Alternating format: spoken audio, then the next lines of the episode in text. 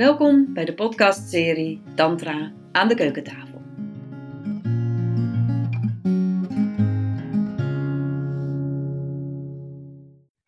Vandaag zit ik nou, voor de derde keer niet met iemand, nee de vierde keer alweer, niet met iemand aan de keukentafel. Ehm, maar opnieuw via Zoom, omdat we nog allemaal thuis zitten vanwege de corona. En vanmiddag is dat met Martine Witteveen. Welkom Martine. Goedemiddag Wendy. Yes. Ja, we hadden al een tijdje geleden al zo even contact via de chat om een podcast te doen over tantra en ondernemerschap. Jij bent ook, net als ik, ZZP'er, uh, ondernemer. Ja, een zelfstandig ondernemer, ZZP'er, eenmanszaak. Mm En bekend met tantra, bij mij en op andere plekken, volgens ja. mij. Dus, dus kan je iets vertellen over hoe je bij dit thema kwam of wat je vraag is? Mm, nou, ehm, hoe ik bij dit thema kwam. Nou, sinds september ben ik uh, volledig zelfstandig ondernemer. Uh, daarvoor was het nog half in loondienst en uh, half als ondernemer. En het spirituele pad van Tantra bewandel ik nu nou, zo'n ruim drie jaar, denk ik inmiddels, dat ik die keuze heb gemaakt. En wat ik steeds meer merk hoe dichter ik vanuit mezelf probeer, eh, leef, hoe dichter ik bij mezelf blijf. Uh, in het hier en nu uh, probeer te zijn, vanuit mijn hart en spirit te leven. Um, dat ik daar af en toe best een uitdaging in zie als ondernemer. omdat ik dat soms, omdat ik merk dat ik daarvoor heel vaak naar mijn hoofd ga. En daar zit een soort, nou ja, spanning en uh, toen dacht ik van ja, is ondernemerschap, hoe, hoe pak ik die, die, die, die filosofie van de tantra uh, in verbinding zijn met mezelf en met anderen en dan ook goed in mijn bedrijf en in mijn ondernemerschap en in de verbinding met anderen. Uh, en is daar een verschil tussen privé-sfeer en ondernemerschap? En daar kwamen mijn gedachten eigenlijk vandaan. En ik dacht, nou, dat lijkt me een mooi keukentafelgesprek met jou. Als tantra-teacher en ondernemer heb je daar vast zo je gedachten en ervaringen in. Ja. Nou, het eerste waar ik wel aan moet denken... Hè, ik, ik, ik maak vaak wel een onderscheid tussen de, de, de westerse neo-tantra en de oosterse klassieke tantra. Ehm, lang verhaal, ga ik dat nu uitleggen? Nee, maar de klassieke tantra, die was van hmm. oorsprong een, een filosofie voor wat mensen householders noemden. En in Nederland heb je daar nou niet echt een leuke vertaling voor, maar in ieder geval voor mensen die volop in het leven staan. En niet mensen die zich terugtrokken in een klooster. ze zeggen dat hmm. zeg maar, de, de oorspronkelijke yoga eigenlijk wel bedoeld was voor renunciates. Dus mensen die zich eigenlijk terugtrokken uit werk en gezin en seksualiteit en, en alles wat bij het gewone leven, zou ik maar zeggen, hoort. Terwijl Tantra daar dus echt wel voor bedoeld was. Dus um, in die zin zou je zeggen dat eigenlijk de traditie echt een verbinding wil maken tussen het spirituele en het aardse, het materiële, het, het in de wereld staan. Uh, dus in die zin zeg maar, ja, sluit dat daar heel mooi bij aan. En als je dan kijkt naar de Neo-Tantra, dat is de Tantra zoals die eigenlijk de laatste honderd jaar hier in het Westen is ontstaan. Daar lag vrij veel de focus op seksualiteit. En ik weet niet of je dat ook in je ondernemerschap wil brengen. Nou zou je dat natuurlijk nog levensenergie kunnen noemen. En de creatieve energie. En die kun je ook weer in je werk uh, hè, um, kwijt. Maar daar zie, ik wat minder eigenlijk uh, de link. Terwijl in die klassieke tantra dan wel. Dus de bedoeling is ook echt van, hè, als je kijkt naar de doelen van tantra, dan zou je kunnen zeggen het ontwaken, het, het zien, het, uh, je realise het realiseren van je ware zelf. Van, ah, wat ben ik in de kern? Hè? Dit, oh, wacht even. Naast alle mind, gedoetjes, dingetjes, is er ook is er mijn essentie. En daar mag ik meer en meer in, in rusten. Zeggen. Dat zou je kunnen zeggen is een van de doelen van Tantra. Maar dan is eigenlijk niet de bedoeling om dan maar ja, in een hutje op de hei te gaan zitten. en in bliss. Dat kan ook, natuurlijk, mag. Maar de tantrische visie zegt ja, en vervolgens pas je dat toe in het dagelijks leven. Daar ga je wat mee doen. Ehm, dus dat mag ook te merken zijn. Dus het is, ja, iemand kan wel zeggen, ja, ik had een keer zo'n mooie ervaring en toen heb ik mijn hele essentie gevoeld en ik snapte ineens waar het allemaal over ging. Maar als diegene vervolgens in het dagelijks leven, ja, misschien alleen maar bezig is met meer geld verdienen en geen compassie heeft voor de medemens en eigenlijk helemaal niet vanuit het hart leeft, et cetera, et cetera, ja, dan kun je je afvragen van, oké, wat is dat ene inzicht waard? Het gaat om de toepassing in je dagelijks leven. Ehm, nou, en een van de dingen waar ik wel vorige week, die me weer heel duidelijk werd, is zeg maar het omgaan met angst. Angst dat het niet goed gaat met je bedrijf, uh, dat je niet genoeg geld gaat verdienen. Die is zeg maar in de loop der jaren gewoon af en toe bij mij teruggekomen, voorbij gekomen, laat ik het zo zeggen. En nu met deze corona had ik dat ook, zeg maar, een paar weken geleden. Van, oh my god, al workshops moeten afgezegd worden. En wat, als dit maanden gaat duren? En, nou, de hele riedel kwam voorbij. En ik moet zeggen, dat heeft wel even een paar dagen geduurd voordat ik mezelf kon herpakken. Dat, dat, dat kon ik niet zomaar. Toen waren ook even al mijn tantra-techniekjes waren verdwenen. Totdat ik me weer herinnerde van, oh ja, wacht even. Ja, oké, dit is een angst die voorbij komt daar zitten verhalen omheen. Hè? En daar kan ik heel erg aan gaan proberen vast te houden. Aan al die overtuigingen die ik heb. Oh nee, het zijn verhalen, die mag ik loslaten. Emotie is energie. Het is puur een vibratie hier in me. Die mag ik voelen, die mag ik doorvoelen, die mag ik verteren. Dat woord dat ik dan gebruik. Ah, en, als ik dat, en dat had ik al vaker ervaren in het verleden, maar ik was het even vergeten.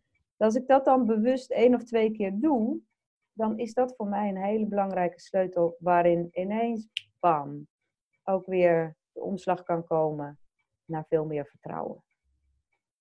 dus omgaan met emotie. En in het ondernemerschap vind ik angst. Angst voor tekort is dan eentje die bij mij vrij, ja, die gewoon af en toe eens voorbij is gekomen hoe kan ik daar op een tantrische manier mee omgaan? En tantrisch in deze zin is dan het eh, onderscheiden van het verhaal met de fysiek-energetische ervaring. Daarbij te zijn, in het lichaam. Um, toestaan, zonder dus vast te grijpen daaraan, maar ook niet wegdrukken. Ademen en wachten. En daar gaat hij. Want emoties komen en gaan in golven. En als je, de, als je niet te veel probeert weg te drukken en ook niet aan vastklampt, wat het makkelijkst met een verhaal doen, dan komen en gaan ze. En kan er daarna weer ruimte komen en vertrouwen. Dus dat is zeg maar eentje voor mij, ja, die ik gewoon heel helder zie. En die kun je natuurlijk op alle ja, uh, facetten in je leven toepassen, ook privé. Maar deze mhm. heb ik dan concreet wel qua ondernemerschap. Deze emotie hangt wel meer aan jouw ondernemerschap samen als aan een andere moment, hoor ik, aan, hoor ik van je. Maar eigenlijk is de techniek dus niet heel veel anders als dat je in je relatie met een partner angst voor verlies zou meemaken. Nee, nee, nee. Nee, in die zin, kijk, voor mij, dat, dat komt dan overeen met mijn ervaring, dat voor mij werk en privé, ja, loopt zo'n beetje ja. allemaal door elkaar heen. Hè? Dat is natuurlijk bij veel ZZP'ers zo, maar misschien bij mij nog net iets meer, omdat ik natuurlijk mm. privé aan tantra doe en dan in mijn werk het uitdraag.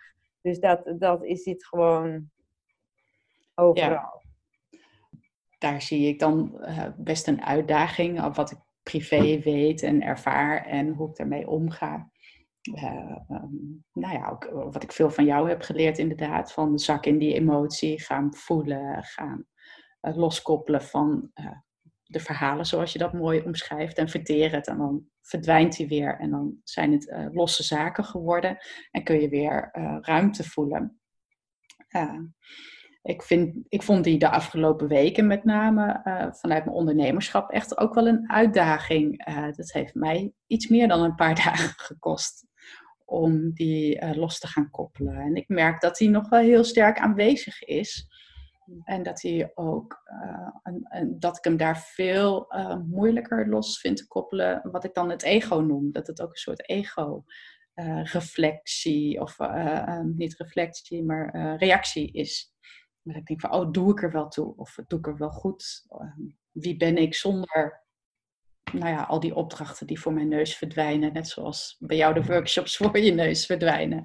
Uh, live dingen dan uh, uh, voor mijn neus verdwijnen. Wie ben ik daar zonder? Ik bedoel, ik ben presentator, ik ben dagvoorzitter, ik leef bij een publiek. Wie ben ik zonder mijn publiek? ja, die, die, Voel ik, die voel ik wel. En, en, en dan merk ik echt wel die interne strijd tussen nou ja, emotie, ego en het loslaten en vertrouwen. En nou ja, dat verhaal. Want ik ben wie ik ben. Ja. Maar zeg maar daar bewust mee bezig zijn, noem ik dan tantra toepassen. Kijk, misschien heb jij het beeld van nou, dan ga ik tantra toepassen en dan baf, binnen vijf minuten ben ik er doorheen. Maar dat is natuurlijk niet altijd zo. Nou, inmiddels weet ik beter, dus dat gelukkig niet. Vroeg me af, heb, heb je een ander voorbeeld van jezelf? Van ehm, ja, een moment wat lastig is in je werk, waar je soms tegenaan loopt, waarbij je denkt van, oh, ik, misschien dat, je zou willen dat Tantra je daarvoor een sleutel zou geven?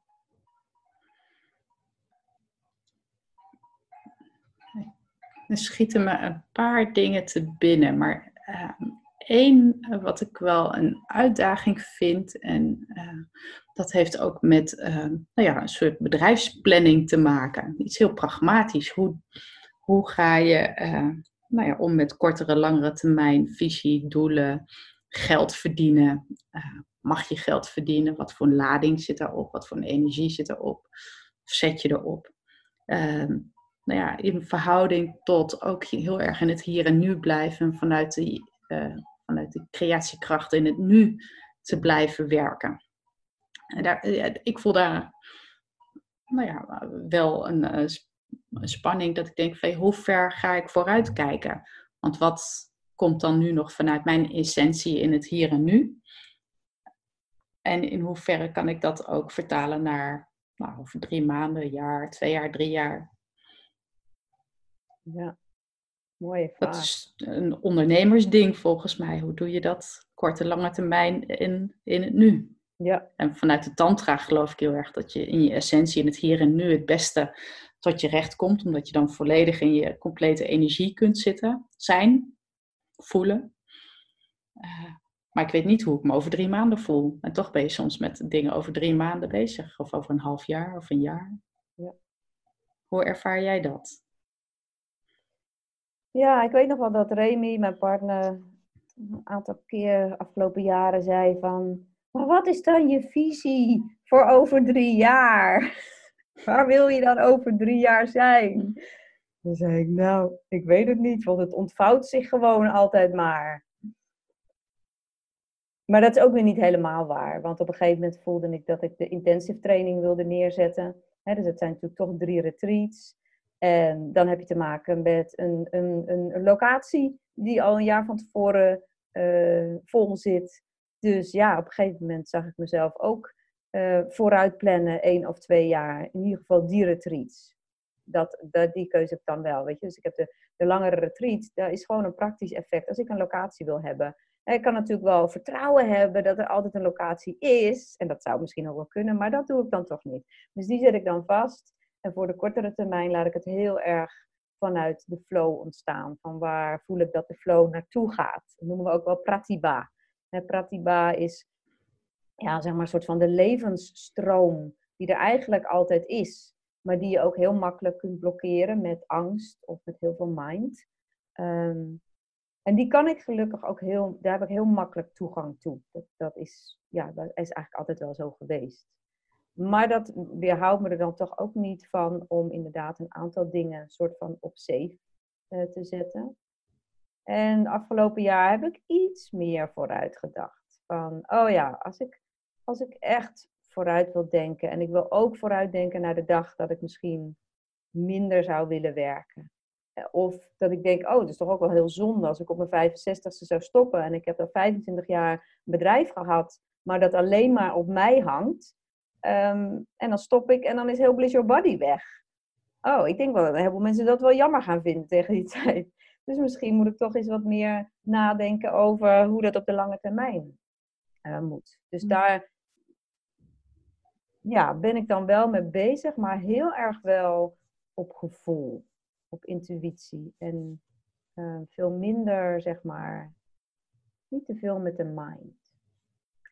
En toen je je vraag stelde, moest ik ook weer even denken aan de twee aspecten die alle twee in Tantra zitten. Mijn eigen leraar die omschreef het laatst als invite en surrender. Enerzijds doe je dingen, anderzijds geef je je over. En ook in de doelen van Tantra, ik noemde er net eentje, dat ontwaken, dat naar je essentie gaan, dat heeft eigenlijk alleen maar met hier en nu te maken. Maar een ander doel van Tantra is genieten, is ehm, verandering willen neerzetten. Dus de actieve meditaties die je ook bij mij, van mij kent, waarbij je ehm, ja, energie in gang zet en je versterkt eigenlijk je energielichaam met ademwerk, met visualisatie, die zijn wel degelijk gericht om jezelf krachtiger te maken. Dus daarin zit de wens tot verandering.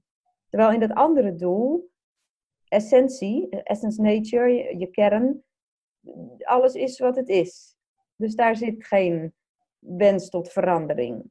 Dus Tantra brengt die twee, of erkent die alle twee. En het is goed om te snappen dat ze er alle twee zijn.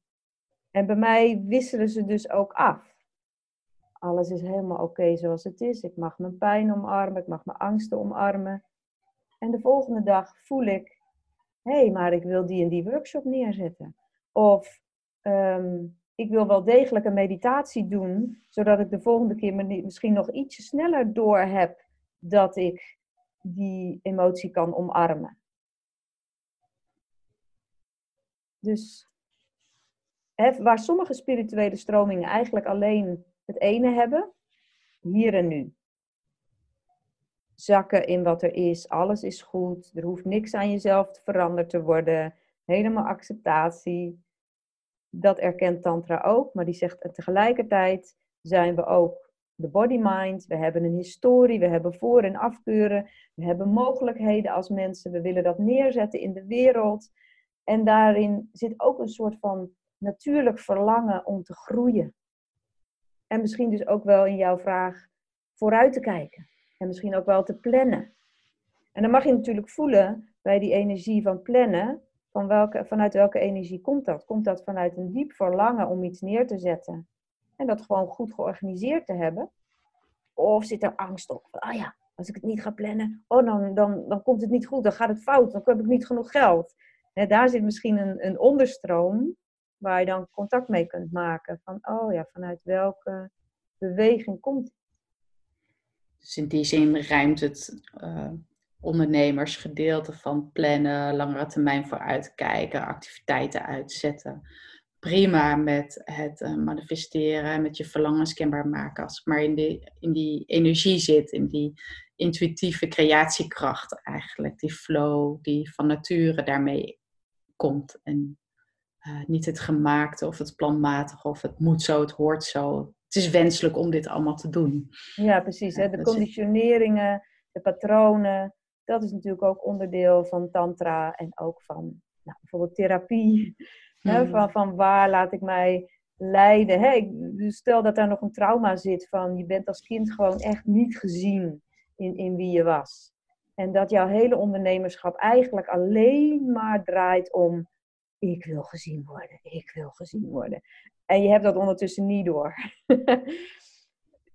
het is ook oké. Misschien is dat voor sommige mensen hun karma. En is dat gewoon dit leven wat er is. Hè? Dat is ook goed. Maar het is ook heerlijk om dat op een gegeven moment te gaan zien. Van, hé, hey, wacht even. Vanuit welke beweging doe ik dit nou eigenlijk?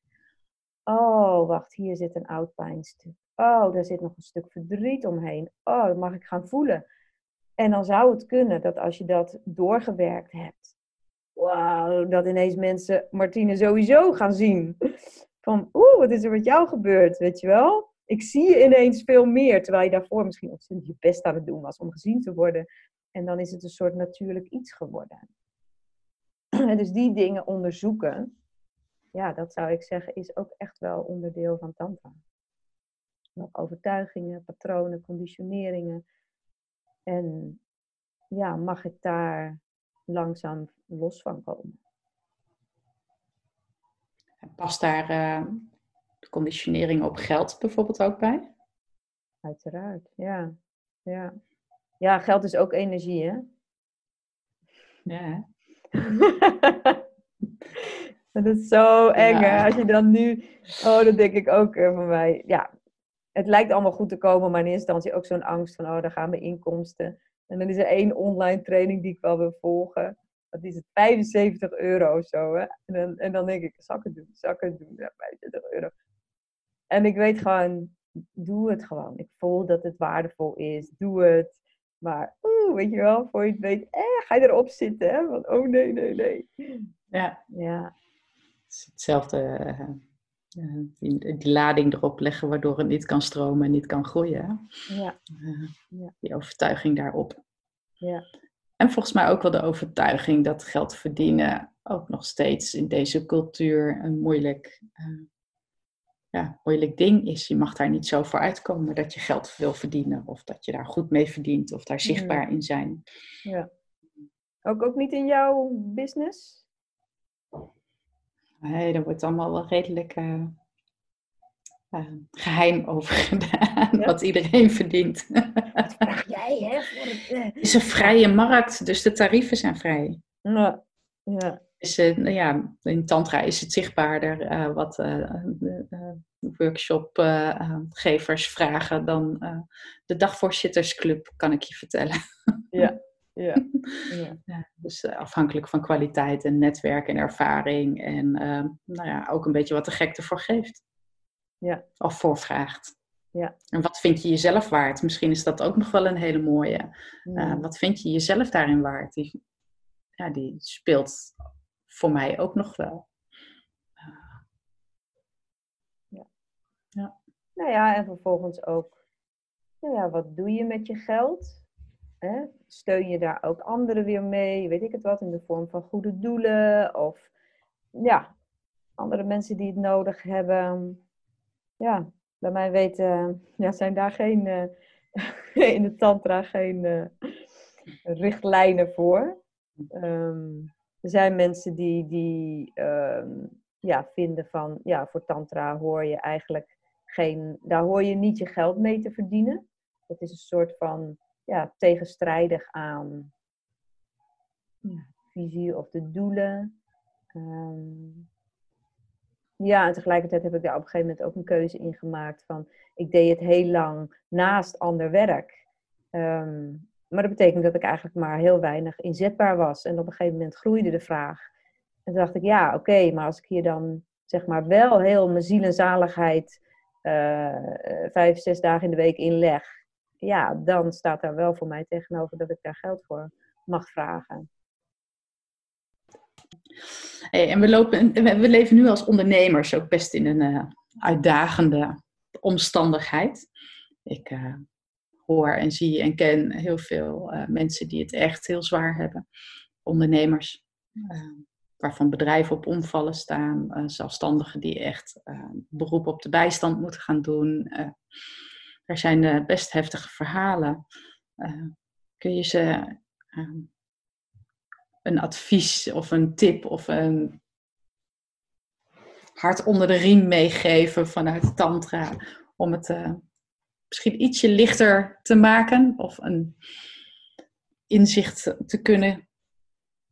Ja, en ik denk dat dat ook al gebeurt. Het eerste wat ik zou willen zeggen van bewust gaan naar de emoties die het oproept en daarmee zijn en kijken of je het verhalen kan loslaten en of je het uh, in je lichaam kunt ervaren en daarmee zijn. Um, dat is denk ik sowieso voor iedereen heel waardevol om uit te proberen. Nou weet ik niet als je helemaal geen meditatieervaring hebt, hoe dat zal zijn hoor. Dan is misschien voor sommige mensen echt een onmogelijkheid. Van ja, denk, ja, maar mijn verhaal, dat is toch, dat is toch wie ik ben. en dus als je daar nog zit, is het misschien wat lastig. Ten tweede denk ik dat dit wel een hele mooie herbezinning is. Van waar gaat mijn werk over? Wat is hier echt belangrijk in? En durf ik erop te vertrouwen dat als dat echt zo is, dat het in een of andere vorm goed komt? En ten derde, de creativiteit. Ik was, ik was ook die eerste week lam geslagen. Zo, oké, die workshops die kunnen dus niet meer. En ja, in veel workshops wordt aangeraakt. Dus ja, online, dat gaat niet. Punt. Bam. Je blokkeerde er ook soort ja. van. Ja, dus, dus dat is ook oké als dat even zo is, dat blokkeren. Ja, dat is gewoon een, een, een overlevingsreactie uh, op, op dat we gevaar um, registreren. Um, maar vervolgens, misschien door de practice die ik nu, noemde, of andere meditatie, of veel in de natuur zijn, of dansen, of ik weet niet wat, het kan natuurlijk voor iedereen verschillend zijn wat werkt, mag die, die pratibha, die shakti, die uh, levensenergie, die creativiteit, mag die toch zijn ruimte gaan krijgen. De een gaat misschien nu solliciteren bij, uh, als postbode las ik iemand die dat ging doen. En, en nu even heel gelukkig is als postbode. Een ander mm. die pakt misschien zijn baan in de zorg weer op, die die helemaal voor, voor wel had gezegd. Een heleboel mensen gaan alsnog wel naar online en ontdekken wat er online mogelijk is. Waarmee we ook een hele hoop reiskosten en uh, milieubelasting besparen. Um, en dat wil niet zeggen dat ik niet terug ga naar de live workshops. Maar hey, er, was, er is toch een heleboel mogelijk. En, en ongetwijfeld in jouw werk ook. Van, hey, op een andere manier. Ja, maar bepaalde vergaderingen, die willen toch doorgaan. Bepaalde events, oké jongens, komen bij elkaar. Wat kan er online? We besparen geld, uh, we besparen milieu. Uh, dus voor nu, ja, oké, okay. dan doen we het op deze manier. Godzijdank hebben we iets van online. Dat, dat scheelt nog een hele hoop in wat er mogelijk is. Um, dus ja, ik hoop voor een heleboel mensen dat die angst um, plaats kan maken voor levensenergie en creativiteit. En dat daar misschien hele verrassende dingen uit kunnen komen. Dat, uh, wat dat betreft denk ik dat we in de meest gunstige tijd leven om daarin, uh, ja, kansen vind ik op een beetje een rotwoord misschien, maar daar in ieder geval wel uh, mogelijkheden in te zien of te vinden of te ontdekken. Ja, en, en natuurlijk sowieso als we onszelf, ah ja, weet je, als we onszelf nu vergelijken met de arme mensen in India, die, die gewoon geen werk is geen eten. En, en dat gaat niemand of vrijwel niemand in Nederland overkomen. Dat je zonder eten komt te zitten en sterft van de honger. En, en natuurlijk, dat is heel lastig om het daar tegen af te zetten. Maar soms doe ik dat ook wel even voor mezelf. En dan prijs ik mezelf ongelooflijk gelukkig met alle voorzieningen die we hebben. En, en, en de zorg ook die er nu naar elkaar is. Um, ja, wel op momenten denk ik dat. Want, want misschien voor sommige ondernemers van durf ik uit te reiken. Durf ik om hulp te vragen durf ik te zeggen, hé hey jongens, dit, ik, nu kom ik echt in de problemen omdat ik mijn huur niet meer kan betalen of iets. Hè? En, en dan, dan ben ik ervan overtuigd dat er ook zo, dat zijn we natuurlijk allemaal niet zo gewend. Nee, ik doe het allemaal zelf wel. Hè?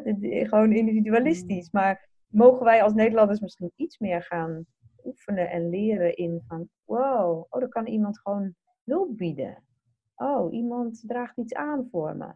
En, en durf ik daar dan ja, in zekere kwetsbaarheid misschien gebruik van te maken. Hmm, ik, vind hem, ik ben gewend om veel onderweg te zijn. En ik heb nu alles thuis. En ik heb niet een heel groot huis, dus je ziet mij letterlijk aan mijn salontafel nu. Dus, uh, ik heb geen studeerkamer of zo, of geen werkkamer. Dus alles komt heel erg in een kleine omgeving samen. En, uh, ja. en ik, ik, zie dat ook wel bij anderen, maar er is geen scheidslijn meer bijna tussen de werelden. Ook al was die al zo, zo, zo uh, smal. Nu helemaal niet meer. Je werk is je privé, is je leven, is het nou ja, 24 uur per dag. er lijkt bijna geen escape of geen break meer in te zijn tussen je ondernemerschap en je privésituatie. Hmm. Ja, dat is ook wel een interessante. Ja, ik zit inderdaad te denken van, is daar nog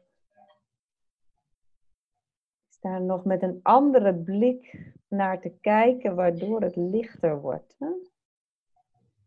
Want ik ken het natuurlijk ook, hè, en ik ken het allemaal, het soort van opdeling. Daar ben ik dan die Martine, en daar die, en daar doe ik dat. En nu ja, ontdek je misschien eigenlijk de werkelijkheid zoals die is, namelijk dat het altijd dezelfde Martine is. die zegt.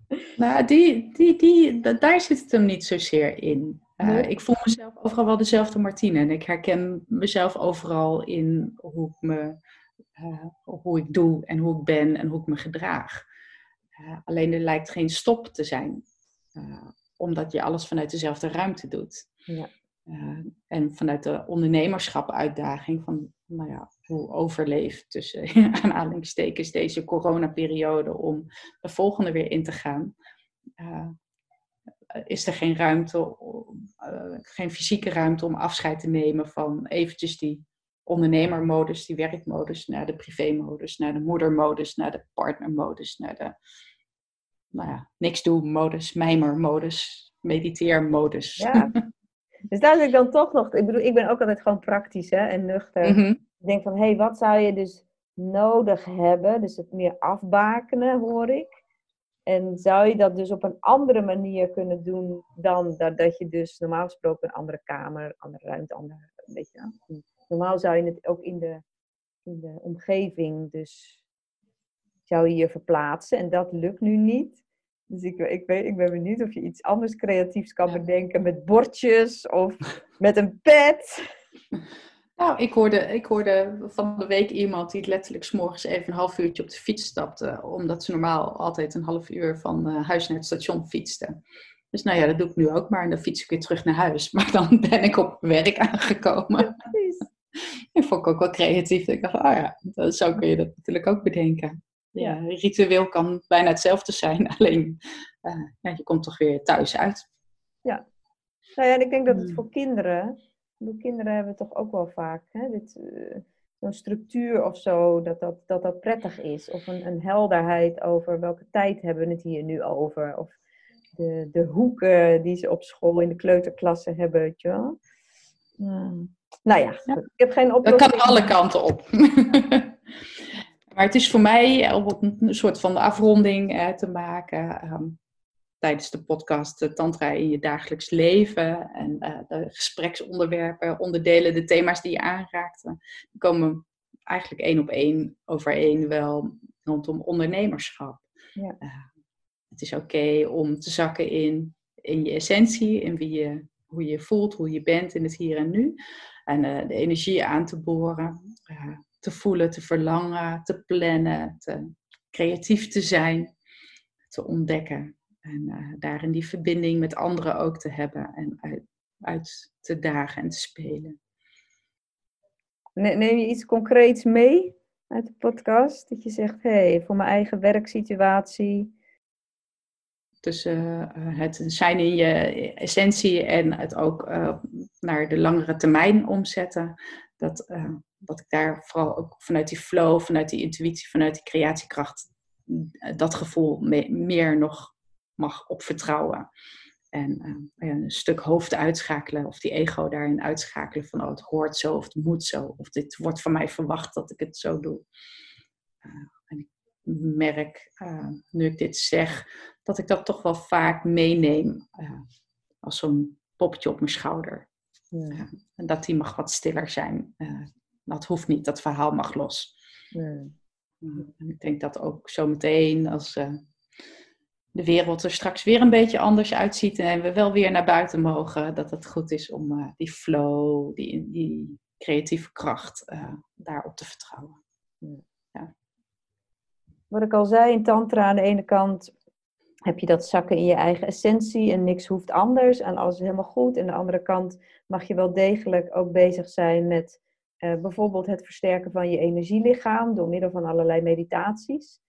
En dat komt ook je werk ten goede. Dat, dat weet ik zeker. Dat als jij krachtiger in jezelf staat en een krachtiger energielichaam hebt, zoals dat dan genoemd wordt, dan kun je dus makkelijker omgaan met alle uitdagingen. Dus ook met een ingewikkelde opdrachtgever of een collega of even iets wat tegenvalt ehm, in je bedrijf.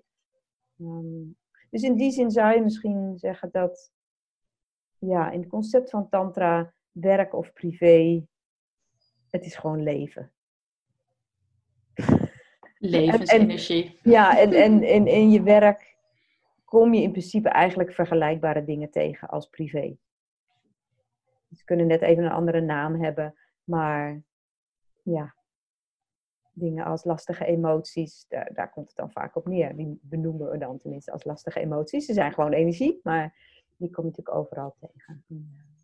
Dus in die zin, ja, alles wat je doet, komt ook je werk ten goede. Oké, dankjewel. Dankjewel. Ik vond het leuk om met je te praten. Hmm. Dit was weer een podcast in de podcastserie Tantra aan de keukentafel. Wil je meer weten over mij of over Bliss Your Body? Kijk dan op www.blissyourbody.nl